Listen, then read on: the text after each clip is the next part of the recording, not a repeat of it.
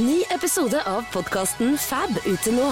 Er jeg den eneste som skrur ned vindusviskerne på bilen et hakk? Om jeg ser at ingen andre har på det samme nivået som meg? Jeg føler meg liksom litt pinglete om jeg har dem på for mye. At jeg blir litt kulere om de er på et hakk lavere. ja, man virker litt desp. Hør Fab med Jenny Skavlan, Ingrid Bergtun, Mari Nordén og Ingrid Vik Lysne. Gratis på podplay.no. Du hører på Siri og de gode hjelperne. Ukas gode hjelpere er Alexandra Rotan og Rune Nilsson. Alexandra er eh, artist, eh, en tredjedel av gruppa Keiino, som annet har deltatt i Eurovision 2019. Og så har vi sett deg i Stjernekamp i 2021, hvor du vant. Gjorde du ikke det? Nei, jeg gjorde ikke det. Jeg kom på andreplass. Nei, da, så vet hvem vant? Hvem faen vant? Bjørn Tommeren. Nei, jeg er helt uenig. Men det går så bra, for jeg er liksom kjent som hun som ikke vinner. Jeg klarer på en måte, eller Bortsett fra at vi vant Grand Prix i 2019, da. 2019. Men det er det eneste trofeet jeg har. Men det var Ja, langt greit. opp internasjonalt òg. Ja da, det var det. Ja. Det var artig. Ja, kan ikke stukle ikke unnskylde deg det. Nei da. Dere vant jo Folkets stemmer. Ja, det var veldig gøy. Veldig stas. Eh, Det er jul, det vil jo si at du skal på noen julekonserter framover. eh, Blant Ja. annet med Kurt Nilsen, men også aleine. Ja, det stemmer. Og så skal du være programleder for Julekveld hos Prøysen. Ja. Ja. Programleder for første gang. Ja. Aldri gjort noe sånt før, så det var Ja, Ja, men det får du helt sikkert til. Det, må, det, det kommer til å gå så fint. jeg håper det. Det er jo, eh, som sikkert mange vet, forhåndsinnspilt. Ja, ja, ja. Så det, har, det, har jo, det er, har jo vært, og det gikk bra. Det var skikkelig artig, og jeg håper at jeg får gjøre det igjen og igjen og igjen. Det er ikke alle som vet det. Jeg tror fortsatt det er folk som prøver når de skal til Oslo og sjekke inn på Hotell Cæsar og blir helt sånn Hvor? Jeg finner ikke det der Hotell Cæsar! Altså, det er en del eh, magi, magi der ute fortsatt som folk uh, får kjøper. Men det gikk bra, i hvert fall. Så bra. Rune Nilsson, du er mangeårig programleder i NRK, eh, med programmer som Lunsj, Landsmøte og nylig podkasten Radio Utslagsnes. Men nå er du klar for eh, livet på utsida, livet i storbyen Oslo, etter 25 år i kanalen. Ja. Fikk du gullklokke? Nei, for jeg, jeg, det er ikke sammenhengende. Nei. Jeg har vært innom her og jobba i, i, i, underveis i de 25 årene. Jeg jobba en stund her i Radio Norge, Ikke sant? og så eh, var jeg innom det som het Kanal 24 i sin tid. Det var jo forløper. Ja, som er, er ikke, er ikke lang og tro sammenhengende tjeneste. Nei. Så jeg får ikke noe klokke. Nei. Men jeg har veldig mye forskjellige klokker. Men er det gullbelagt klokke, eller er det ekte gull? Nei, vi Jeg tror det er en sånn Seiko med kalkulator på. Oh, ja, ok. Ja. Det er ikke Rolex. Nei, det Nei. tviler jeg på. Nei, er det noen bransjer som har det der ennå? Som har, men de, det er vel gjør, de, de gjør det i NRK. De deler ut klokker i NRK til 25 år. Er det sant? Er det Ja. ikke bare en myte? Nei, nei, nei. nei, nei. Nei. Det er ikke så lenge siden det var en sånn klokkeseremoni på Og de på har klokkeseremoni! Ja, ja, de møtes for folk klokka. Så tusen takk, du har holdt ut lenge. Få se om- lenge du går. Jeg ser for meg at jeg ville sagt noe sånn som Super klokke, er mulig å heller få høyere lønn. Eller, eller kan jeg få noe annet? ja. Ja. Gavekort på Peppes eller et eller annet. Å ja, gavekort på peppe Noe sånt. Ok, dere. Vi skal eh, kaste oss over fem problemer. Vi tar de på øh, løpende bånd. Er det et uttrykk som finnes? Nå med ser jeg på Rune hver Ja, livredd ja. for å si noe feil. Ja, jeg begynner, men På løpende bånd. på det. Det er jo ei tredemølle, for eksempel. Eh, Det er Det er jo et løpende løpende bånd. Ja, da tar vi det på tredemølle. Ja. Starter med litt eh, lett dating her. Jeg er 33 år og fra Ålesund. Jeg har prøvd datingapper i noen år nå. Jeg begynte vel for fullt å date i 2021 etter et brudd i 2017. Med andre ord, jeg har ikke hatt noe seriøst siden det. Men til problemet.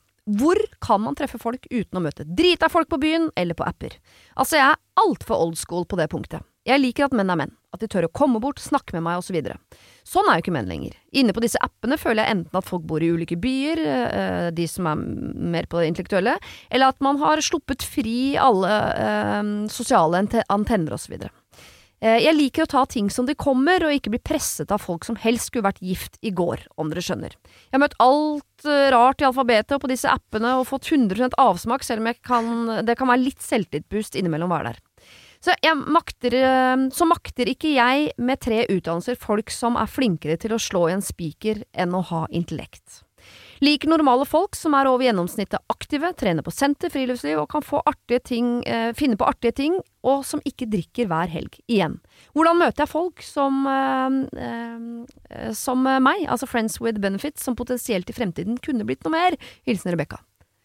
Al- al- Altså, hun lager et bilde her av at eh, hun er nokså kravstor, Ja. denne Rebekka. Ja. Ja. eh, Og hun vil ikke møte drita menn, og har egentlig gitt opp apper, og lurer på hvor kan sånne som meg treffe den rette. Det er jo egentlig overalt bortsett fra eh, på byen og på apper, da, spør du meg. Men eneste problemet er jo, som hun også sier, at eh, folk er ikke så frempå eh, her i Norge. Eh, så jeg var litt sånn flytt til Paris. Ja. Der, eh, der kan du finne kjærligheten. Ja, men der dater jo veldig rar Der kan de vel date veldig mange samtidig. Ja, tror men jeg der for en kan de nordmann komme ville opp vært til deg, da. forvirrende. De kan komme opp til deg når du sitter ute på kafé.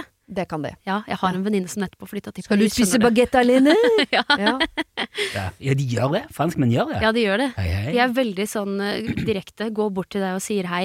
Og selvfølgelig, det er jo et drømmescenario, hvis man kan kalle det det, for det er det vi har vokst opp med og sett på filmer og sånn. Mm. Der er jo ting veldig romantisert. Mm. Eh, men jeg tror her i Norge så tror jeg Jeg vet ikke, jeg tror kanskje hun også må ta saken litt i egne hender. ja.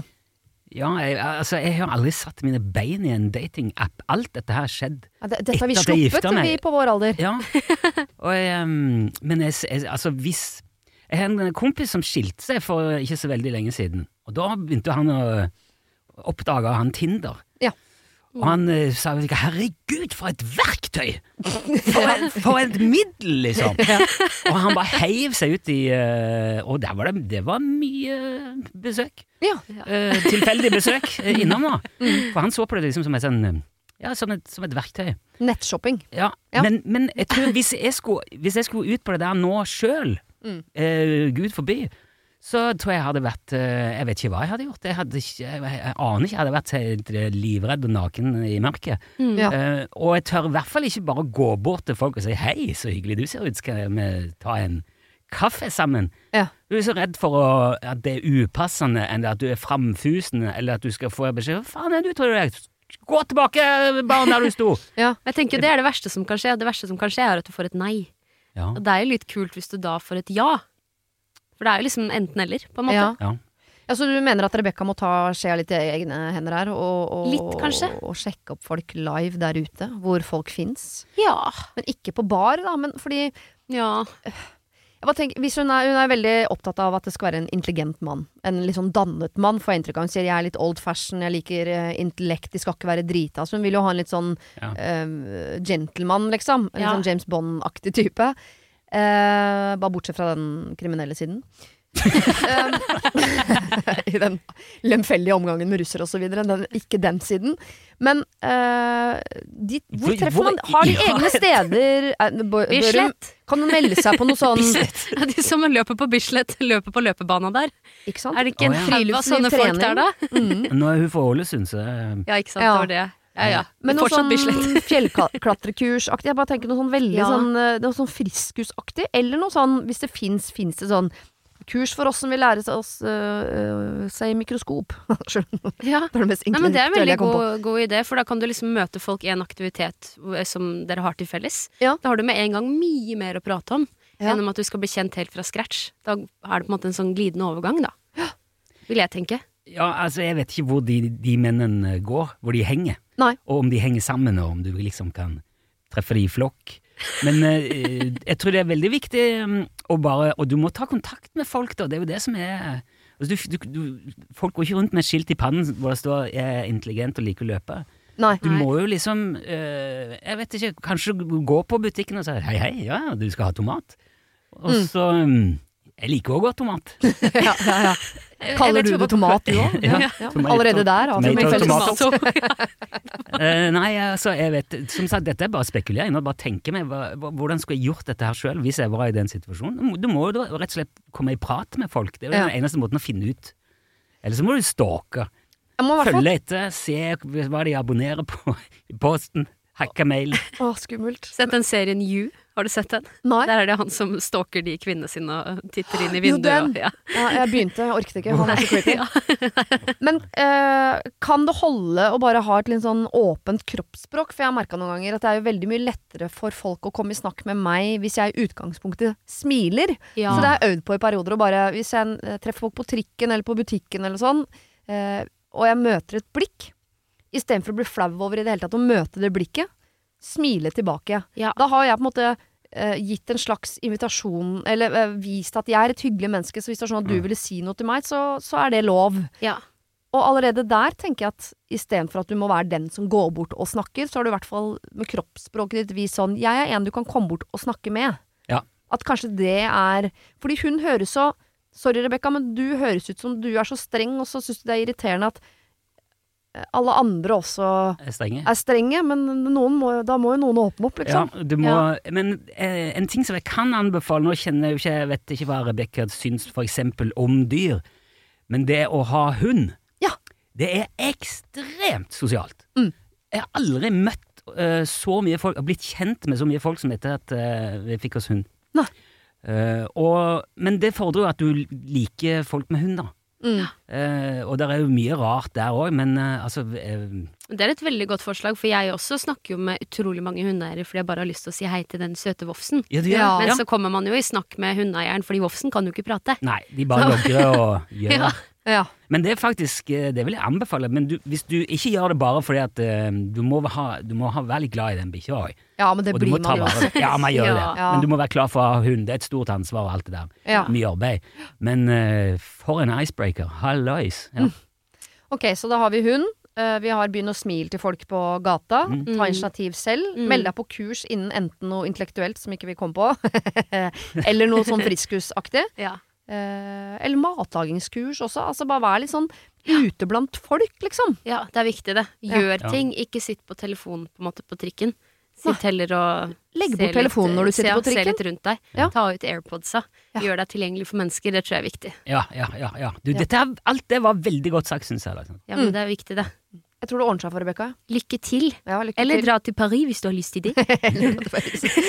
Vet du hva, jeg tror eh, Jeg vet ikke om eh, dette er rasisme, men jeg tror ikke jeg kunne falt for en franskmann. Nei. Nei. Det er kanskje litt rasistisk, men eh, franskmennene har ikke hatt det så vanskelig.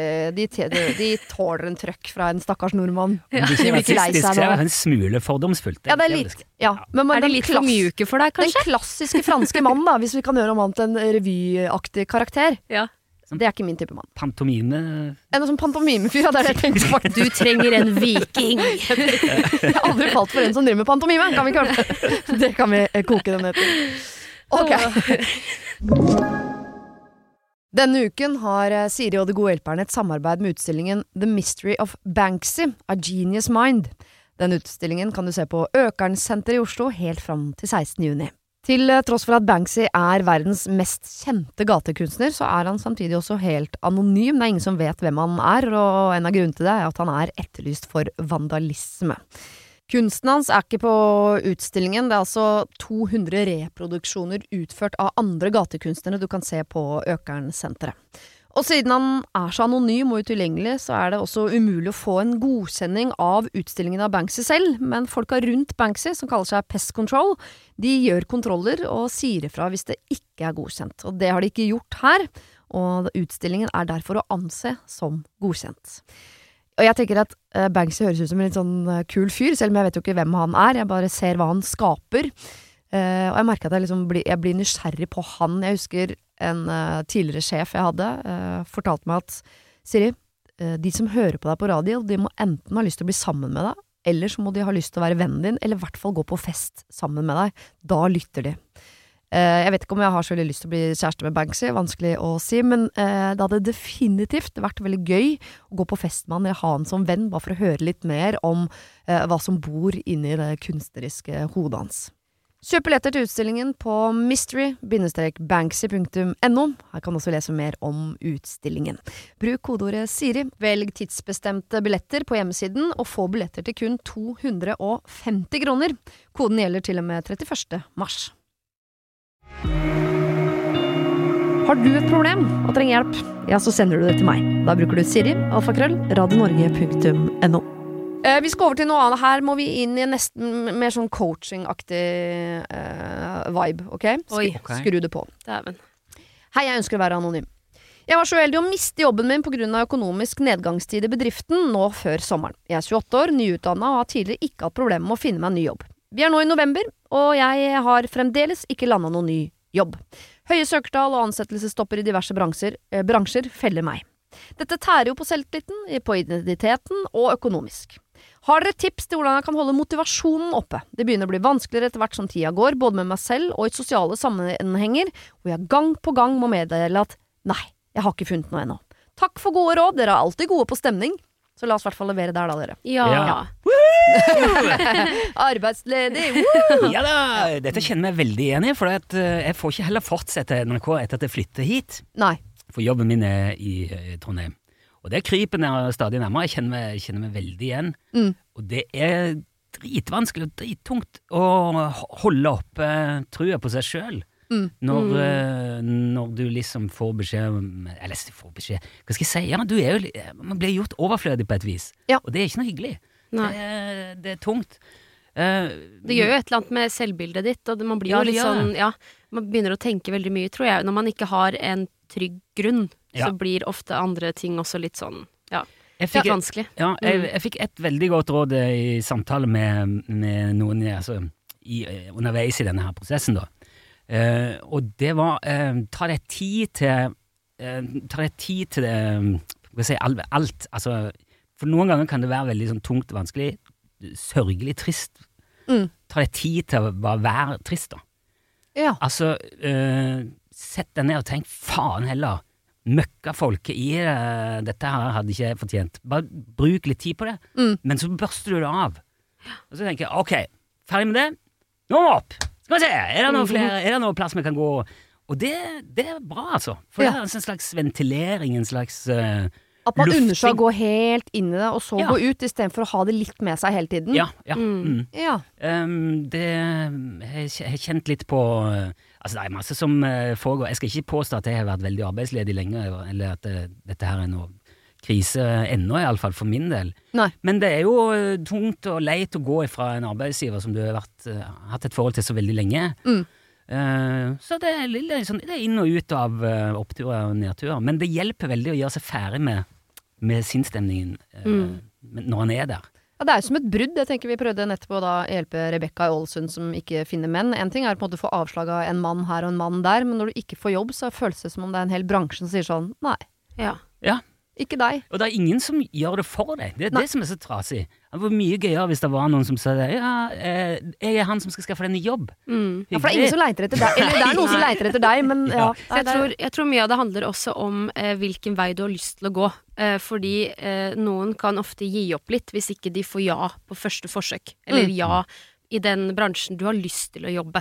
Eh, og jeg kan snakke av egen erfaring, for jeg eh, hadde jo en drøm en dag om å kunne leve av musikk. Det, det var på en måte min hovedjobb. Mm. Jeg liker ikke når folk kaller det hobby, det er en jobb. Ja. Eh, men for å komme dit så måtte jeg innom så utrolig mange jobber som ikke hadde noe med musikk å gjøre i det hele tatt. Mm. Jeg har sittet i kassa på Coop, eh, jeg har jobba på et gartneri. Jeg har gjort så utrolig mye forskjellig kun for å ha en inntekt, slik at jeg en vakker dag kan nå den jobben jeg egentlig har lyst på. Mm. Ja. Og det tror jeg er litt viktig, at man ikke legger skylapper på 'jeg vil dit', men Mm. du må på en måte se at det er ikke en rett strekke. Det er en utrolig svingete, humpete grusvei for å komme dit. Ja, eh, Mm. fordi eh, jeg- det syns jeg er litt sånn vanskelig. Jeg har jo venninner som også er jobbsøkende. Eh, hvor vi blir sittende og snakke om dette og aldri blir enige med oss selv eller hverandre på sånn Skal jeg bare ta en jobb for å ha en jobb og få selvtillit på at jeg er et menneske som jobber? Mm. Eh, jeg er et menneske som bidrar økonomisk. Mm. Men det er ikke den jobben jeg vil ha. Eller skal jeg faktisk bruke tida nå på å være her, eh, få stønad, Mm. sånn at jeg er klar for den jobben jeg vil ha når den kommer. Og der er jeg fortsatt ikke helt sikker på hva som er riktig. Og ikke til hun som sender inn her, eller sånn Kanskje du nå underveis bare skal ta den jobben på Coop, da. Mm. Eh, selv om det ikke er det du skal bli når du blir stor. Bare for å liksom fortsette å stå opp om morgenen, være blant folk, få en Mm. inntekt. Bare for å holde liksom muskelen i gang, hvis du skjønner. Eller om det gjør at ja, men jeg fikk ikke tid til å søke jobb, ja, for jeg sitter jo og, og, og puncher Mm. hele dagen på Coop. Ja, jeg vil, jeg vil eh, Altså, hvis jeg ender på det, så kommer jeg til å begynne å jobbe på Coop. Ja. Mm. Jeg, har, jeg, jeg kan sitte og kikke ut vinduet og så se trikk som går forbi, og tenke det er sikkert kult å kjøre trikk. Ja. Ja. Det var deilig å kjøre trikk. Og da slipper du å tenke på både deadlines og, og alt det der. eh, Altså, jeg er i en bransje hvor det er veldig mye styr og opplegg og folk og planer og ting. Og det, altså, det tar veldig mye tid og krefter. Sånn, det er deilig å ha hatt en sånn jobb som du bare gjør, Mm. og så går du hjem. Så Mm. Ferdig. Så det kommer veldig an på deg, da. Kanskje om man liksom Plutselig finner du noe nytt du liker, eller så er du veldig bestemt på hva du vil. Eller så kanskje du ikke trenger en ekstra inntekt i det hele tatt. Kanskje du liker best å bare roe deg ned og ta vare på deg selv. Det er veldig individuelt. Mm. Jeg, jeg har brukt veldig mange omveier for, for å jobbe der som jeg jobber nå. Mm. Eh, og ingen av de har vært bortkasta. Ingen av de jobbene jeg har hatt på vei hit, altså til og med det å drive en egen platebutikk og gå dundrende konkurs, har jeg hatt veldig nytte av ja. i eh, bakkant. Veldig mye læring i det, og veldig mye Og jeg har møtt så mye folk. Og det er ingenting, altså verken kurs eller jobb eller utdanning, ingenting er bortkasta. Alt har du bruk for. Jeg har gått grunnkurs kokk og grunnkurs elektro. Ja, så grunnkurs elektro! Ja, si det. Ja. Men jeg har hatt glede av det òg. ja. Jeg, prøver å Jeg tenke på situasjonen jeg komfyren før jeg lager mat. Eh, men, men det vil jeg, jeg vil anbefale det. Ut og gjør noe. Ja, Mm. bruk arbeidsmuskelen, liksom. Ja, ja, ja. Ja. Og, og Start på nytt, liksom. folk. Tenk på nytt. Mm. Ja. Men jeg skjønner jo når man er liksom 28 år nyutdanna, så vil man jo bruke den utdannelsen. Så jeg kan skjønne at Og jeg husker så vei. Jeg husker så inderlig godt liksom, den tida rett etter jeg gikk ut av reklameskole. Det å treffe da alle de andre fra skolen eh, ute på byen i helgene, hvor det, det var spørsmålet Hva gjør du nå, da? Ja. Og det å da ikke kunne si sånn Nei, jeg har fått meg eh, jobb på uh, Schnell og Melnichuk, altså et eller annet eh, hipt reklamebyrå. Men være en Jeg husker alle svarte sånn Nei, jeg går litt rundt og viser mappe og, og lata som om ting var veldig på glid. Mm. Ja. For det var ingen som turte å si sånn Jeg har ikke fått meg jobb, jeg. Men uh, sannheten var jo at 85% av klassen fikk ikke jobb det første året etter skolen. Mm. Men den derre uh, å være nyutdanna og ikke få brukt på en måte sånn 'Jeg er ferdig, nå er jeg klar, jeg vil inn på arbeidsmarkedet', Ja. Og så møter du bare nei. Samtidig som du må, da må si i mm. sosiale settinger sånn 'Nei, jeg har ikke fått det til, jeg'. Ja. Det, eh, det er ikke noe er gøy. kjipt, så ei, altså. prøv å eie den Eller gjøre noe som du kan eie, som kan gjøre at du kan snakke om det Ja. istedenfor, eller Men der er folk litt fæle òg, fordi vi, er, vi mennesker er veldig flinke til å måle hverandre ut ifra suksess. Ja. Ut ifra hvor, hvor vi har gått som de forventer. Mm. Det er aldri noe spørsmål om hvordan går det med deg. Det er sånn ja, hva gjør du nå? Det er liksom Ja. Samtidig som jeg syns vi skal ta bort det spørsmålet hva driver du med nå, for det har jo. Jeg er nysgjerrig på det, fordi jeg lurer på hva bruker du åtte timer hver eneste dag på? Det, det sier jo noe om hvem du er, liksom. Men jeg har lyst til å si to ting, sånn motivasjonsmessig. Uh, det ene er, eh, som har hjulpet meg noen ganger, prøv å se på noen som driver med akkurat det du har lyst til å drive med. Så jeg er nesten 100 sikker på at dette mennesket som du ser for deg da, er eldre enn deg. Ikke nå lenger, for min del, nå er de alltid yngre, men i mange år var de eldre. Eh, Men jeg tipper sånn 28 år nyutdanna, og så ser du for deg drømmejobben. De som har den drømmejobben, de er eldre enn deg. Det vil si at de fikk ikke den heller når de var 28. Så du har, du har god tid. Ja. Uh, og den andre tingen er, for det, dette er jeg uh, dårlig på, at jeg tror hver gang jeg får et nei, om det er i forhold til jobb, eller om det var på dating i gamle dager, eller hva det nå er man får nei på, så er det ikke nødvendigvis et aktivt nei. Det er ikke sånn at her har vi en her, Nå er det ti stykker her som har søkt. Blant annet Siri Kristiansen, sier jeg. Hun skal vi ikke ha! Det kan jo være liksom Å ja, Siri eller Pernille Knut. Knut er perfekt. Vi tar Knut. At det aktive valget var ja til Knut. Det var ikke nei, til deg. Ja, ja, ja, ja. Og det tenker jeg, når du ikke får jobber, så er det ikke fordi det har sittet en gjeng i en kjeller med hvite masker og sagt sånn Ikke henne, hun vil ikke ha. Ja, det det, er er bare så- uflaks med at det var Knut var der. Ja. Faens Knut. Det der er Det er mye tilfeldigheter. det er noe av det beste med å bli, eh, å bli eldre, det der at du lærer deg å drite i det der. Altså, du skjønner at eh, folk, folk bryr seg ikke om deg. Hvis du skjønner, altså på en, i et positivt fortegn. Mm. De, de, det er ingen som går rundt og tenker 'nei, hun skal vi i hvert fall ikke ha', eller 'han er sånn en tulling'. Det, er, det der er lottoet opp og ned. Og ikke, ikke, altså, om folk også spør hva gjør du nå, så 'nei, nå det gjør ingenting, jeg prøver å finne meg jobb'. Ja. er i det. Altså, det er ingen som eh, Det det er kanskje noen, men de, hvis, de som dømmer deg for det, eller de som blir liksom ser ned på deg for det, de, de skal du bare ha ut av livet uansett. Mm. Ja. Det er jo feil folk, det. for du, ja. Så ei den setningen du allerede bruker. Nei, jeg er arbeidssøkende. Ja. Mm. Ja. Det sier egentlig ingenting om deg. Nei, det sier bare at du eh, At du er arbeidssøkende. er mottakelig for jobb. Mm. Ah, lykke til. Ja, Lykke til. lykke til. Det løser seg, det der, altså. Ja, Det altså. Vi skal over en midtlivskrise. Det er vanskeligere å løse. Oi. Det går jo over, det òg. Her er det mye Altså, jeg leser mailen som den er. Her er det mye greier. Jeg må nesten sjøl skjønne hva som er problemet. jeg ønsker å være anonym. Jeg er en dame tidlig i 40-åra som har innsett at jeg er i midtlivskrisa de luxe.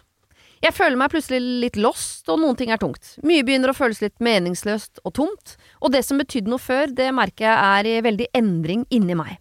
Det problemet jeg ønsker hjelp til av dere, handler om vennskap.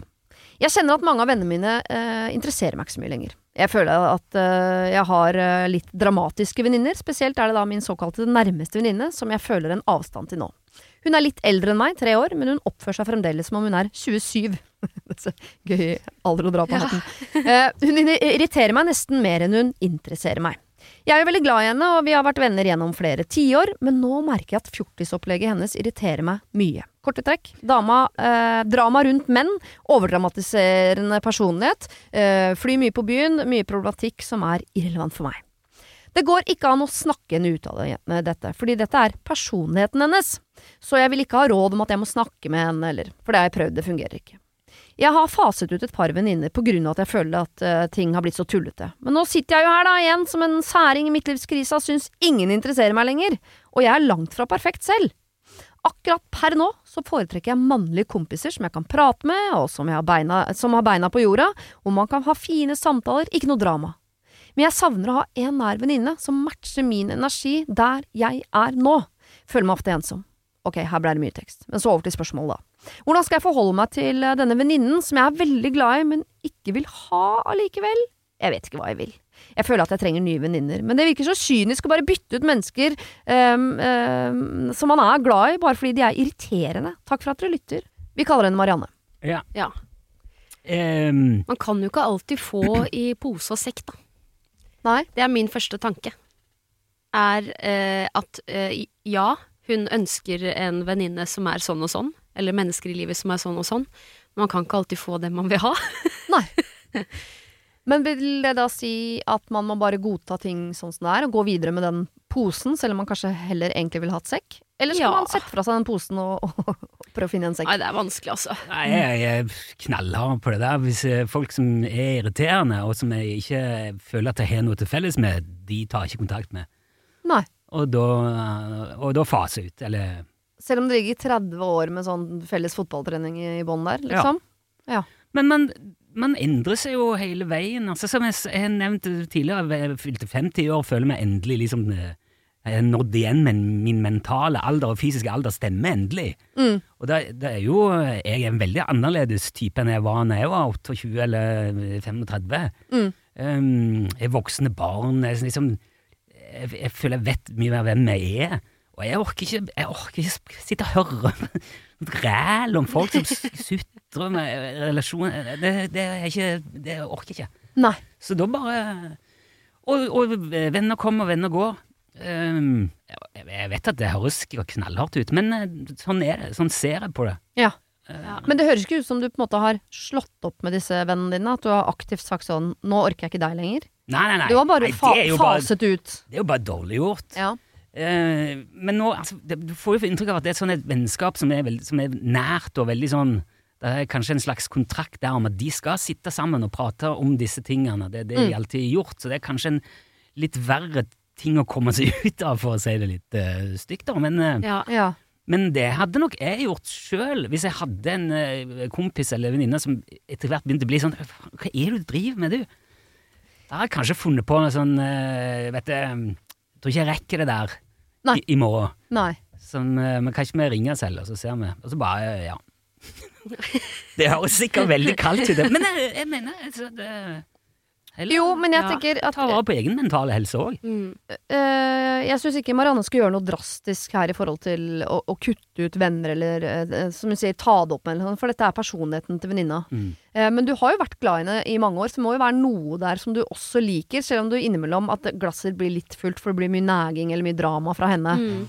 Men kan du da Jeg tenker sånn, Bruk mer tid på de kompisene som syns det er veldig gøy å være sammen med. Ja. Og så kan du innimellom treffe venninnen din når du har overskudd til det. Kanskje du en dag havner i et eller annet dramatisk hvor du tenker åh, nå skulle hun vært der. Hun er dødsgod på drama. Ja. Og så er det jo lov hele livet å være åpen og søkende i forhold til nye vennskap. Mm. Man vet jo aldri når man treffer Jeg syns jeg ved jevne mellomrom føler at jeg treffer den perfekte venninnen! Og, så, øh, og så går det i faser. Og så er det sånn Nei, da, nå var det litt irriterende. Mm. Nå savner jeg hun, eller nå, nå var det gøy der borte. Altså, Mm. det derre vennskapsgreiene Noen har liksom sin bestevenn som de traff for de var naboer når de var tre år, og det er hele veien. Det har, har sikkert en kjempeverdi. Jeg er litt misunnelig på det noen ganger. Mm. Men for veldig mange så er, går du litt sånn opp og ned og bølger og Nå er det mye av deg, nå er det ikke så mye, nå er det me- mer Ja, ja. av deg. Mm. Nei, nå var vi single plutselig sammen. Nei, nå fikk vi barn, da var vi Så Jeg bare Ja, veldig opp og ned, ja. Ja. Uh, altså tror jeg i hvert fall uh, i, Og så kommer det lange, lange perioder der det er veldig, veldig stabilt, da. Som, Ja. som, uh, som det har vært i, for, for min del, da. Altså lykkelig gift i snart 20 år, begynner voksne barn, er bikkja. Og da er det sånn eh, Det er veldig sjeldent at det dukker opp nye venner, føler jeg. Det er veldig sånn etablert, hele, Ja. hele Men nå skal du i i ny jobb antageligvis på et eller annet Ja, ja, eh, ja. tidspunkt. Der vil du jo Mm. kanskje, kanskje verdens kuleste fyr Jo, jo men, ja, men det er jo så bra, dette her. Altså, det er jo en grunn til at vi flytta fra Trondheim eh, til Oslo. Ja. Det, er, det var jo mye av det for å rykke opp. For Ja. liksom eh, nå Fordi at vi har stått ganske lenge i drift. Eh, Det er som det med jobb og det er som med liv. Du går inn i en sånn driftsfase der alt er veldig mye vane. Og hvis du klarer å rykke opp i det, så skjer det sinnssykt mye, og det har det allerede gjort. Altså Bare siden vi flytta tilbake til Oslo i sommer. Herre min hatt. for Når du sier er rykke opp nå, mener du som å rykke opp en liga, eller rykke opp med rot? Nei, rykke, ja, rykke opp. Altså eh, rive ned teltet og pakke kofferten, og så rykke opp og dra til et Ja. annet sted. Ja, skjønner. Eh, du all verden, det er et helt borettslag jeg skal bli kjent med. Det er jo et helt nabolag, det er butikker. Plutselig så har vi nye venner som kan passe bikkja til, og som kan passe vår bikkje. Altså, det er kjære vene så mye som skjer. Ja. Så det er jo òg en um, Det er òg også en ting hvis du, hvis du føler at du står fast i det der. der jeg skal ikke si at du må flytte, at du må, men det å dra ut på noe helt annet. Eh, Få andre venner, få Ja, nye noe bekjentskaper. helt annet. Ja, Ja, for hun skriver jo det at hun savner jo den ene nære venninna. ja. Og det er, eh, jeg vet ikke om det er noe det er, Sånn tipper jeg det menn også har det med den ene nærkompisen. Det er noe med å ha den ene som man, som man vet at man kan ringe midt på natta når Ja. det skjer noe, liksom. Men hun kan jo være formann i boccia-laget på Ensjø. Ja. Så eh, dra dit og se om det er hun.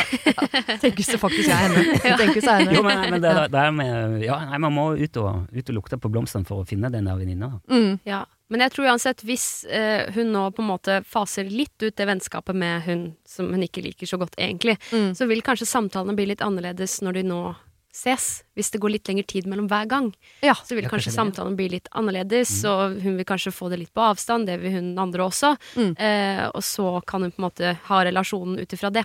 Du Ja. må ikke ha henne kjempetett hvis du kjenner at det er feil, men du trenger heller ikke å eh, glemme henne, på en måte. Nei, enig. Fordi sånn som du sa, du vil jo ha litt Du vil jo kanskje ha noen sider av henne av og til. Ikke sant? Og litt sånn drama i periferien gjør jo ikke noe. Nei. Ikke sant? Ja. Det kan man jo godt ha. Og så tenker jeg at man også kan helt mentalt gå inn i det vennskapet med en sånn eh, Jeg skal ikke la hennes drama gå så innpå meg. Mm. Nå hører jeg at hun går inn i dramaet sitt. Da bare hører jeg på med litt sånn 70 eh, volum på øret. Ja. Eh, og nikker og smiler innimellom. Og så prøver jeg å skjære gjennom med noe annet fra tid til. For det er jo litt eget ansvar også.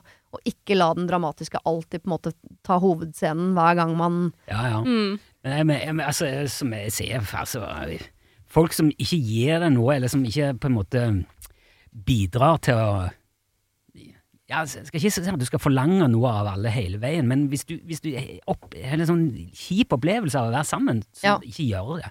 Nei. For det, det, det, det blir bare verre. Mm. Da blir alt verre. Da blir, da blir, andre ting blir også kjipt av det. Ja. Mm. Man må oppsøke de folkene som gir en noe påfyll, og som du har det hyggelig sammen med. Mm. Livet er for kort til å gå rundt og høre på kjefting. Ja. Så uh, Marianne, fortsett å henge med de kompisene. Uh, ha de andre også i livet ditt. Hvis du er sånn at du er glad i det, så er det greit å ha de der, men kanskje litt sånn i periferien, litt sjeldnere enn ellers, og vær åpen for nye vennskap. Det, Ja det.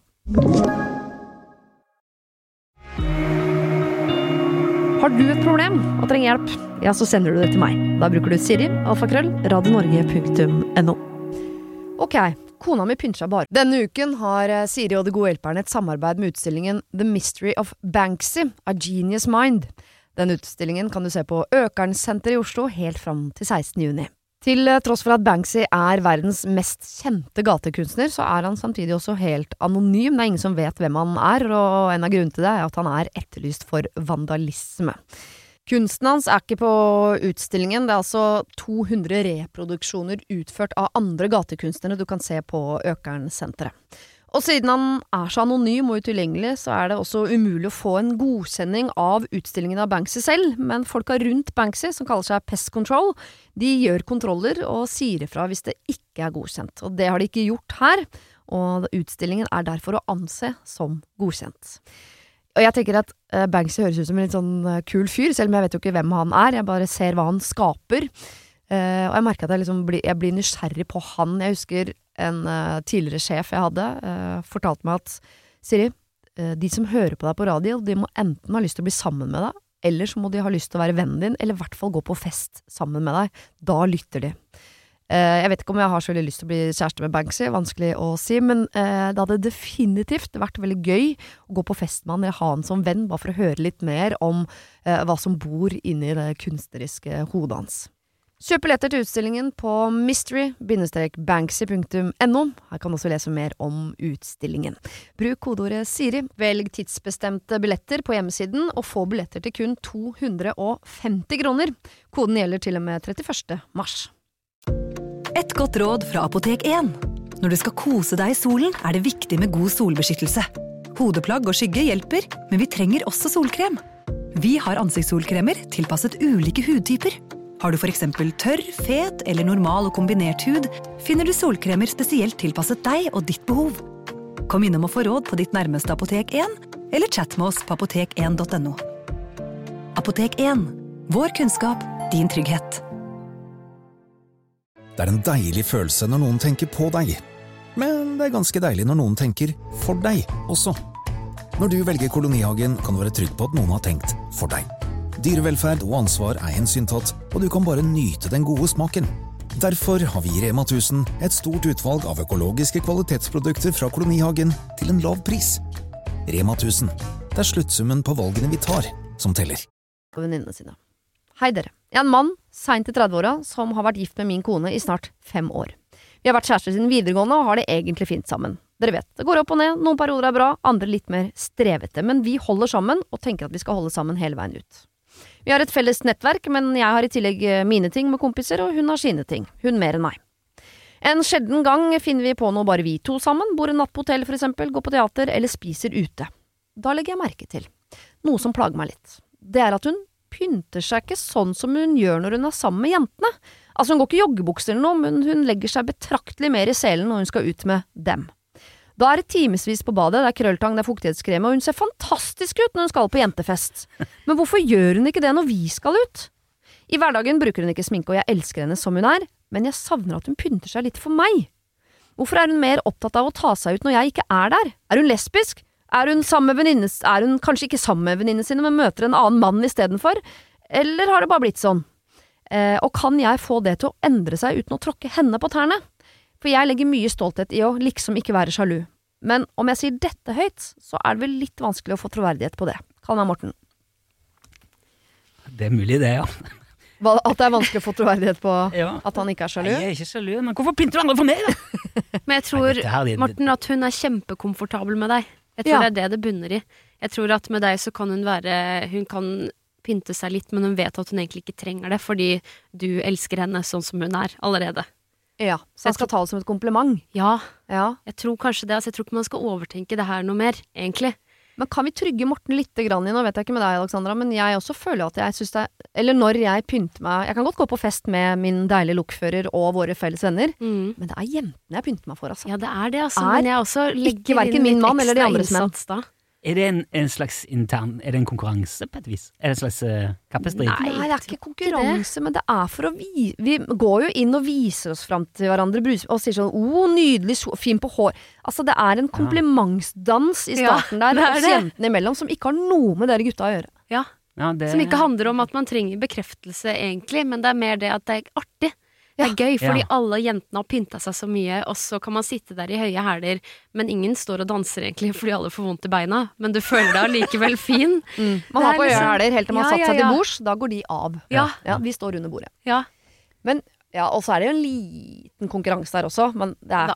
Det skal jo liksom- tas noen bilder og sånn også, som man har lyst Ja, til å se fin ut på. Man vil være finest. Dette Men er veldig nyttig for meg, kjenner jeg. Faktisk å eh, En slags Få en erkjennelse på, ja. Ja. Men hvis, han, hvis da Morten savner at hun pynter seg på den måten for han også Jeg vet ikke om han savner det rent sånn visuelt, hvis dere skjønner, men at hun gjør den innsatsen også for han. Ja. Er det noen måte han kan be om det på? Og den er vanskelig, vet du. Den er vrien. Ja.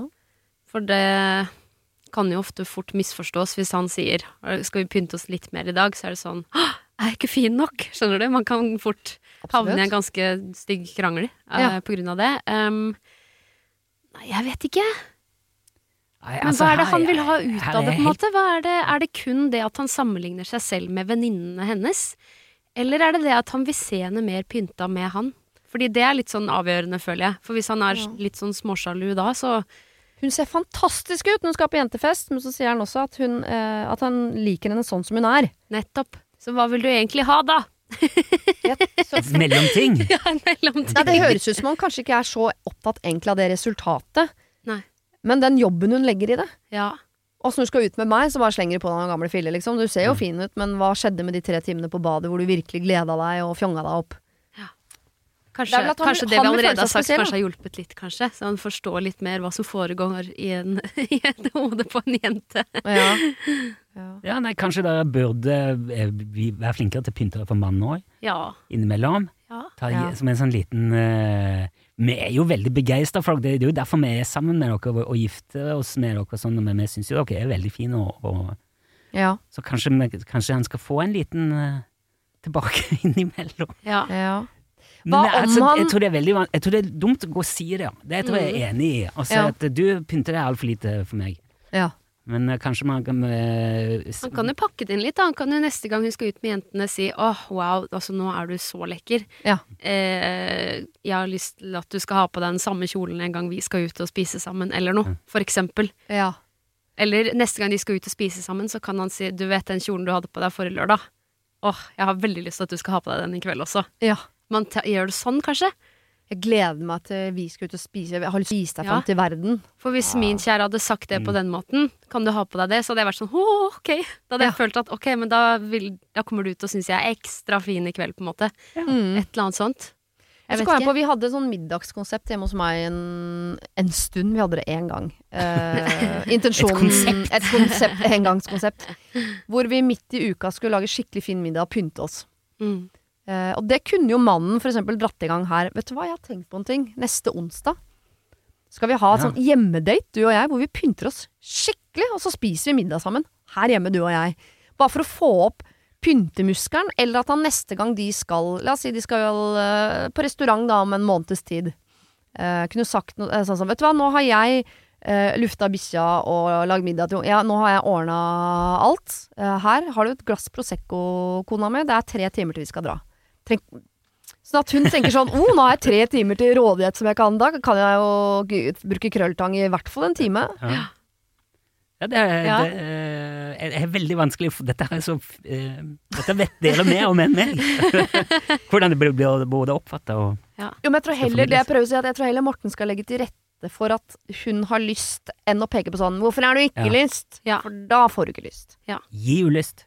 Ja, gi henne lyst. Gi henne lyst til pizza. Ja. for deg. Ja. Gjør det, men også ikke legg så mye i det. Ikke tenk 'hvorfor gjør hun dette mot meg'? Hun er ikke lesbisk. Nei. I så fall så er hun det. Det var synd for deg. Eh, um, hun er ikke sammen med en annen mann, tror vi. Eh, men hun er jente, og vi pynter oss for andre jenter, stort sett. Ja. Gjør, jeg tror vi gjør det, altså. Ja. Ja, men bare det, det. er Jeg føler i hvert fall at jeg lærte en del av det. Det er godt å vite. Ja. Eh, vi skal eh, gå ut på en svigermor på sommerdekk. Oi, oi, oi. Og der fikk vi vinteren i fleisen. Jeg er mor til tre små barn, dere kan kalle meg Emma. Min mann og jeg er helt avhengig av litt hjelp i hverdagen for å få det hele til å gå rundt. Begge jobber, han pendler, og dagene går rett og slett ikke opp. Vi har skaffet oss matkasse, hjelp med husvask osv., men uten besteforeldre hadde vi det uansett ikke gått. Så vi er evig takknemlige for at vi har både mine foreldre og hans mor i nærheten. Mine foreldre jobber fortsatt begge to, men de stiller opp nesten hver gang vi spør, og da får det bare gå at de kanskje ikke er verdens beste på å ta initiativet selv, som jo hadde vært drømmen. Men de jobber, de reiser, de er sosiale mennesker, og det unner jeg dem. Hans mor er alene, hun er pensjonist og har ikke all verdens å ta seg til. De siste to årene har hun fast en dag i uken hentet i barnehagen og dratt hjem til oss og laget middag til alle tre barna, og det er fantastisk! At det blir pølse i lompe, is og litt sånn 17. mai-stemning en gang i uka, det får bare gå. Jeg kommer ikke til å kreve grovbrød og grønnsaker på noe som helst tidspunkt.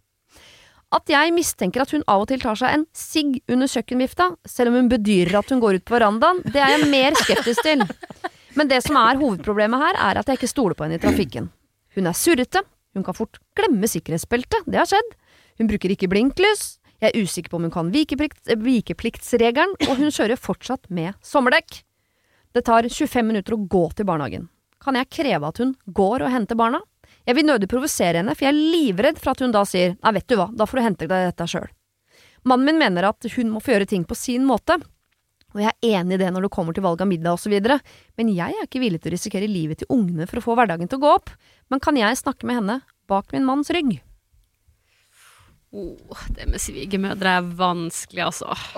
Ja. Nå fikk du klør under. Nei, er så mange, Kroppslig reaksjon. ja. Nei, det, er så mange, det er så mange forbehold å ta, for at du må se folk an. Du må, du må, det er ikke alle som kan eh, snakkes det på samme måte. Nei. Og jeg vet heller ikke hvor hårsår uh, mannen er for at hun eventuelt går bak hans rygg til hans mor. Jeg vet ikke forholdet mellom uh, de. Men jeg, i utgangspunktet Altså, akkurat i Oslo så fikk vi jo vinteren i fanget, så det sang nå denne uka. Jeg hadde dekkskifte på bilen den dagen snøen kom, Mm. og det måtte jeg bare droppe. Det må jeg selvfølgelig droppe. Den bilen står der fullstendig nedsnødd med fire svære vinterdekk inni, Mm. og jeg kommer ikke til å røre den. Uh, og det er, det er ikke på, noe å gjøre på min måte eller ha en preferanse, det er bare sunn fornuft. Ja. Du kjører ikke rundt på snø med sommerdekk. Den sunne fornuften har jo ikke svigermor. Tydeligvis. Nei, men da Det må, det må sies ifra om. Ja, for det er ikke lov. Ja, det, det er farlig, liksom. Kjempefarlig. Ja. Så jeg tenker jo egentlig at ærlighet varer lengst. Mm. Men det er bare måten du legger det fram på, som mm. er litt viktig. ja hva, hvordan skal du legge det fram? Aner ikke.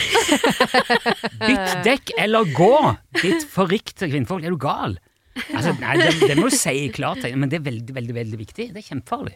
Ja. Det var jo, Jeg har sett hvor mye folk som er bulka. Folk ble jo stående gjennom hele natta med bilene sine, og de skader seg, og kjære, men folk mister lappen fordi at de kjører med sommerdekk. Ja.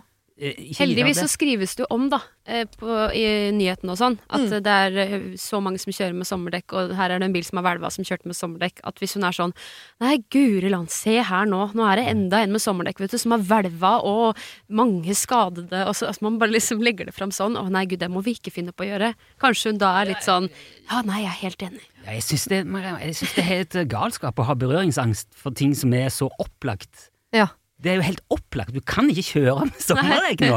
Og, det, og da er det kanskje Altså, eh, min metode ville vært å gå bare helt i motsatt retning. Hei, hei, hei! Du kjører jo ikke hen til de ungene med sommerdekk, er du gal? Bare rett i strupen. Få det ut. ja. Ja, for det er sånn det er. Ja. Men ja, det virker som om uh, problemet er litt større enn det. Altså, en ting er sommerdekk nå, det er helt ko-ko. Det er ikke greit. Ja. Men hun er, det virker som hun er skeptisk til hele kjørestilen også. Dette er en gammel dame som er litt surrete, litt lemfeldig med eh, ting som blinklys og sikkerhetsbelte. Og, er og jeg skjønner som Ja. mor at man har en sånn noen ganger må man legge bort fryktene sine. Hvis det er sånn at uh, mutter'n passer ungene, og hun uh, lar de klatre litt høyere enn jeg ville gjort, f.eks., så Mm. må jeg på en måte ha prøva litt is i magen på uh, at det er på hennes vakt. Men ting som er sånn De skal ha hjelm når de sykler, ja. Og de skal ha sikkerhetsbelte når de kjører bil. Og, Mm. og du um, Jeg må vite at du kan kjøre bil. Men å pirke på å skulle si til et godt voksent menneske som har kjørt bil hele sitt voksne liv, Ja. å komme inn der som Ja. svigerdatter og si sånn Jeg liker ikke Jeg stoler ikke på deg i trafikken. Ja, det, er et, eh, det er et vepsebol man må gå inn i, men eh, Ja. hva, hva slags type verneutstyr skal man ha på? Jo, men er, ja, man må, må kanskje også gå noen runder på hvor begrunna, eller hvor liksom reell den der frykten, eller den der eh, eh, redselen for at det skal skje noe, er. Ja. Altså, så hun har nå klart å så kjøre mannen hennes, da.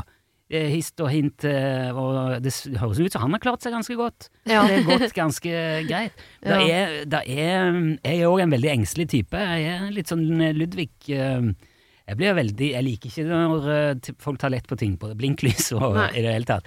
Men jeg kjenner jo at jeg, jeg må jekke meg litt. Jeg kan ikke sitte der og, og, og klage hver gang jeg blir engstelig. Jeg må liksom, jeg må la det stå til litt òg. Mm. Uh, så en, kanskje en ekstra runde, altså realitetsorientere det der uh, faren ved det, da. ja. Men hvis det er sånn at hun sitter og er redd hver gang hun vet at uh, sine barn er i eh, svigermors bil, Mm. da må hun jo inn i det vepsebolet. Ja, Ja. Sånn kan man jo ikke ha det. Nei. Nei. Men far kan da umulig være så uenig, holdt jeg på å si. Han må jo være helt enig med hun. Det er jo ungenes sikkerhet det er snakk om, på en måte. Ja, Hvis ikke han har en annen oppvekst, at han er oppvokst Mm. med en mor som sitter inne og røyker og som kjører uten sikkerhetsbelte, og tenker sånn er ikke, det, er, er ikke sånn vi Mm. ruller av? Det var normalt i min tid, i hvert fall. Det var- Ja. Mm. at han bare ikke er like engstelig som kona si, da. Men han, Mm. han burde jo være litt redd, for det er noe farlig i trafikken uansett, eh, om alle gjør som de skal. Og så er det Ja, det er det. de som ikke gjør det de skal i tillegg, som gjør det jo Mm. betraktelig farligere. Men det må være lov å si eh, at man eh, At man har en, på en måte en, en uro, da. Ja. Det syns jeg må være Og jeg syns kanskje han mannen òg burde ta det på alvor, ta hennes eh, uro på alvor, Ja. Mm. og kanskje komme litt i møte. Men det er vanskelig, det der, altså. Sønnen og hans mor. Eh, Ja. ja. Men bare, hvis du hadde hatt en, en diskusjon med din kjæreste, da, Alexandra, Mm. og dere har ikke blitt enige om ja eller nei, og så går han bak din rygg til uh, dine foreldre med et ja. Mm. Det, Uansett det er veldig feil, tenker jeg. Ja, det blir jo Ja, gærent, for ja, du selv om vil du jo er veldig diskutere dette med din partner først, på en måte, og Og du er helt skråsikker på ditt nei, så når han da går med sitt ja til din mor og far, så er jo Ja. det ja, den er lei. Det er jo et svik. Ja. det er, Men det er et kjempesvik. Man skal jo ikke det heller, på en måte. Man skal jo heller da kanskje være direkte og si Altså ha, den, ha en litt større krangel da, til de blir enige om det, på en måte. Ja. Eh, ja, ikke gå, hverandres, gå bak hverandres rygg. Det tror jeg ikke er lurt i det hele tatt. Nei. Holder det at du sier 'jeg hører at du er imot, men jeg er så sterkt for at jeg kommer til å gå til moren din og si dette, selv om vi er uenige'. Da har hun i hvert fall sagt Da er du ikke bak rygg, da er du jo Ja, ja. Uh, foran fjeset. ja. Uh, ja. Altså, man, kan, man, må, man må spille med åpne kort, det syns jeg absolutt, men da står hun i fare for å få begge de to mot seg, da. Ja. Det, og så skal de time opp og så si nå må du roe deg ned. Det kan, kan bli stygt. Det, det, men uh, det er veldig vanskelig. I, Ja. I en ideell verden så burde man jo kunne lufte sånne ting, og så burde man nærme seg hverandre. Mm. Og så uh, kunne si ja, ok, ja, men jeg skal, skal ta meg sammen med bilbeltet. Det bør òg svigermor kunne si. Hun kjører jo med veldig dyrebar last. For det handler jo ikke om de engang, det handler om barna, liksom. Ja. Det er jo barna deres. Det er sikkerheten deres det er snakk om. Og skulle det skje noe det der, så tror jeg du angrer noe- på at eh, 'nei, jeg turte ikke å si noe til svigermor', Ja. for at eh, mannen min var ikke enig. Det tror jeg du angrer på da. Ja. Mm. gjerne, det hadde vært, uh, nå kjenner jeg så lyst til å vite alt om disse menneskene, sånn at jeg kunne komme med noen sånne og, Ja, men hun er jo litt sånn på det Ta henne med på Gi en konfekteske, eller noe sånt. Godt humør. Altså, man vet ikke hvordan Men det fins jo alltid eh, veier inn Ja. eh, til folk. Så det er vel noe med å kanskje finne den rette veien inn, altså pense det sånn at det ikke føles som et angrep, og ikke, ikke føles som en sånn Ja, som en krig. Mm. Men at man liksom kan komme seg inn dit og få sagt de tingene som er nødvendige, uten at eh, alle ryker uklare. Men hva om man går inn med en bekymring da, og sier sånn åh, vet du hva, jeg, jeg kjenner meg eh, urolig med Jeg vet, jeg er jo mor til disse tre barna. De tre i baksetet og i- ute i trafikken og lavt blodsukker og middager, og jeg kjenner bare Da kan jeg fort glemme å, å blinke meg inn og ut av rundkjøringa. Eh, og det har du også har jo surra litt med det noen ganger. At du har glemt Du husker den gangen du glemte sikkerhetsbeltet og sånn. La oss ikke henge oss opp i det. Men eh, at man åpner en sånn samtale med svigermor som handler om at Fader, det, eh, det er ikke så trygt, egentlig. Det er dyrebar last Ja. man har bak i den bilen der, og det kan jo gå en kule varmt noen ganger, så kanskje man eh, Jeg kjenner at jeg tenker på det i hvert fall noen ganger når du har de bak i bilen. Ja. At det sikkert er litt krevende. Kanskje du skulle henta med vogn. Det kan jo være at det er nok å bare si det, ja. faktisk. Vi veit jo ikke om hun kommer til å slå seg vrang, eller om hun kommer til å ja, åh, ja, gud, ja, uff. Nei, nå skal jeg passe ekstra godt på det. ja. Men akkurat det med dekken, det er jeg knallhard på. Det må, Ja. det må bare slå i bordet og rope om. Det kan jo være en vei inn, det, da. Eh, altså eh, Og bare For det, av og til må man gå hardt ut for å vise det alvoret, for det der er virkelig alvor. Mm. Og si at du, eh, vet du hva? Du kan ikke en, en, jeg skal, eh, jeg prøve å få lagt om dekk på bilen din? Skal jeg ordne det der? Kan, du kan ta vår bil, men du henter ikke deg på sommervek nå. Her kan sønnen bidra. Han kan vel skifte dekk på bilen til mora si. Han passer ungene, eh, hans tre, eh, tre unger en gang i uka. Da kan vel han skifte dekk på bilen til mammaen sin. Dekk må jo byttes uansett. Mm. Så Ja, Vet du hva, det foreslår jeg. Du sier til mannen din at vet du hva, mamma, nå i helga så uh, skifter jeg dekk på bilen din, fordi jeg, øh, vi liker ikke at du henter unger. For det er ikke lov, mamma, å kjøre med sommerdekk nå. Mm. Du får ikke lov til å hente våre barn med sommerdekk, så enten så må du hente da i vogn, eller så må jeg få lov til å skifte dekk på bilen din. ja, den er god.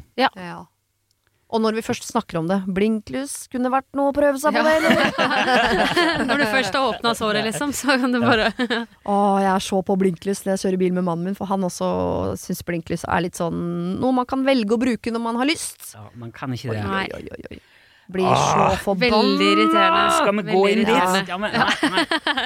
Vi begynte med deg, Rune, som lurte på sånn Skal jeg fortsette å si fra til folk som snakker feil? Og nå sitter jeg her og lurer på Skal jeg fortsette å si fra til folk som ikke bruker blinklys eh, riktig? Ja. Vi må Vi må det. Ja, vi som er sånne folk som sier fra, vi må si fra. Ja. Ja, ja. Du kan, det du kan krasje, vet du, hvis det er Ja. Absolutt. Mm. ja, det er en veldig fin måte å vise verden hva du har tenkt å gjøre, og det gjør Ja. verden til et tryggere Veldig sted. lett. Kjære vene, gjør det, så Det er bare en liten spak. Ja. Den er er ikke tung engang. Det er bare en liten Ja. Det er lett. Det Det er er veldig lett. Ja. Dere, tusen takk for at dere ville være mine gode hjelpere. Uh, lykke til i uh, julestria framover med konserter og ny jobb og Det blir bra, det der. Det blir bra. Ja, ja. Tusen takk for oss. Det var det. Husk å sende problem til siri.radionorge.no om du vil ha hjelp. Denne podkasten er produsert av Klynge for Podplay. Et godt råd fra Apotek 1. Nå er snart pollensesongen i gang, og et godt råd til deg som sliter med pollenallergi, er å begynne behandlingen i god tid før allergisesongen starter. Da får du nemlig enda bedre effekt av legemidlene, og så blir ikke våren din helt ødelagt. Kom innom og få råd på ditt nærmeste Apotek 1, eller chat med oss på apotek1.no. Apotek 1 vår kunnskap, din trygghet. Det er en deilig følelse når noen tenker på deg. Men det er ganske deilig når noen tenker for deg også. Når du velger kolonihagen, kan du være trygg på at noen har tenkt for deg. Dyrevelferd og ansvar er hensyntatt, og du kan bare nyte den gode smaken.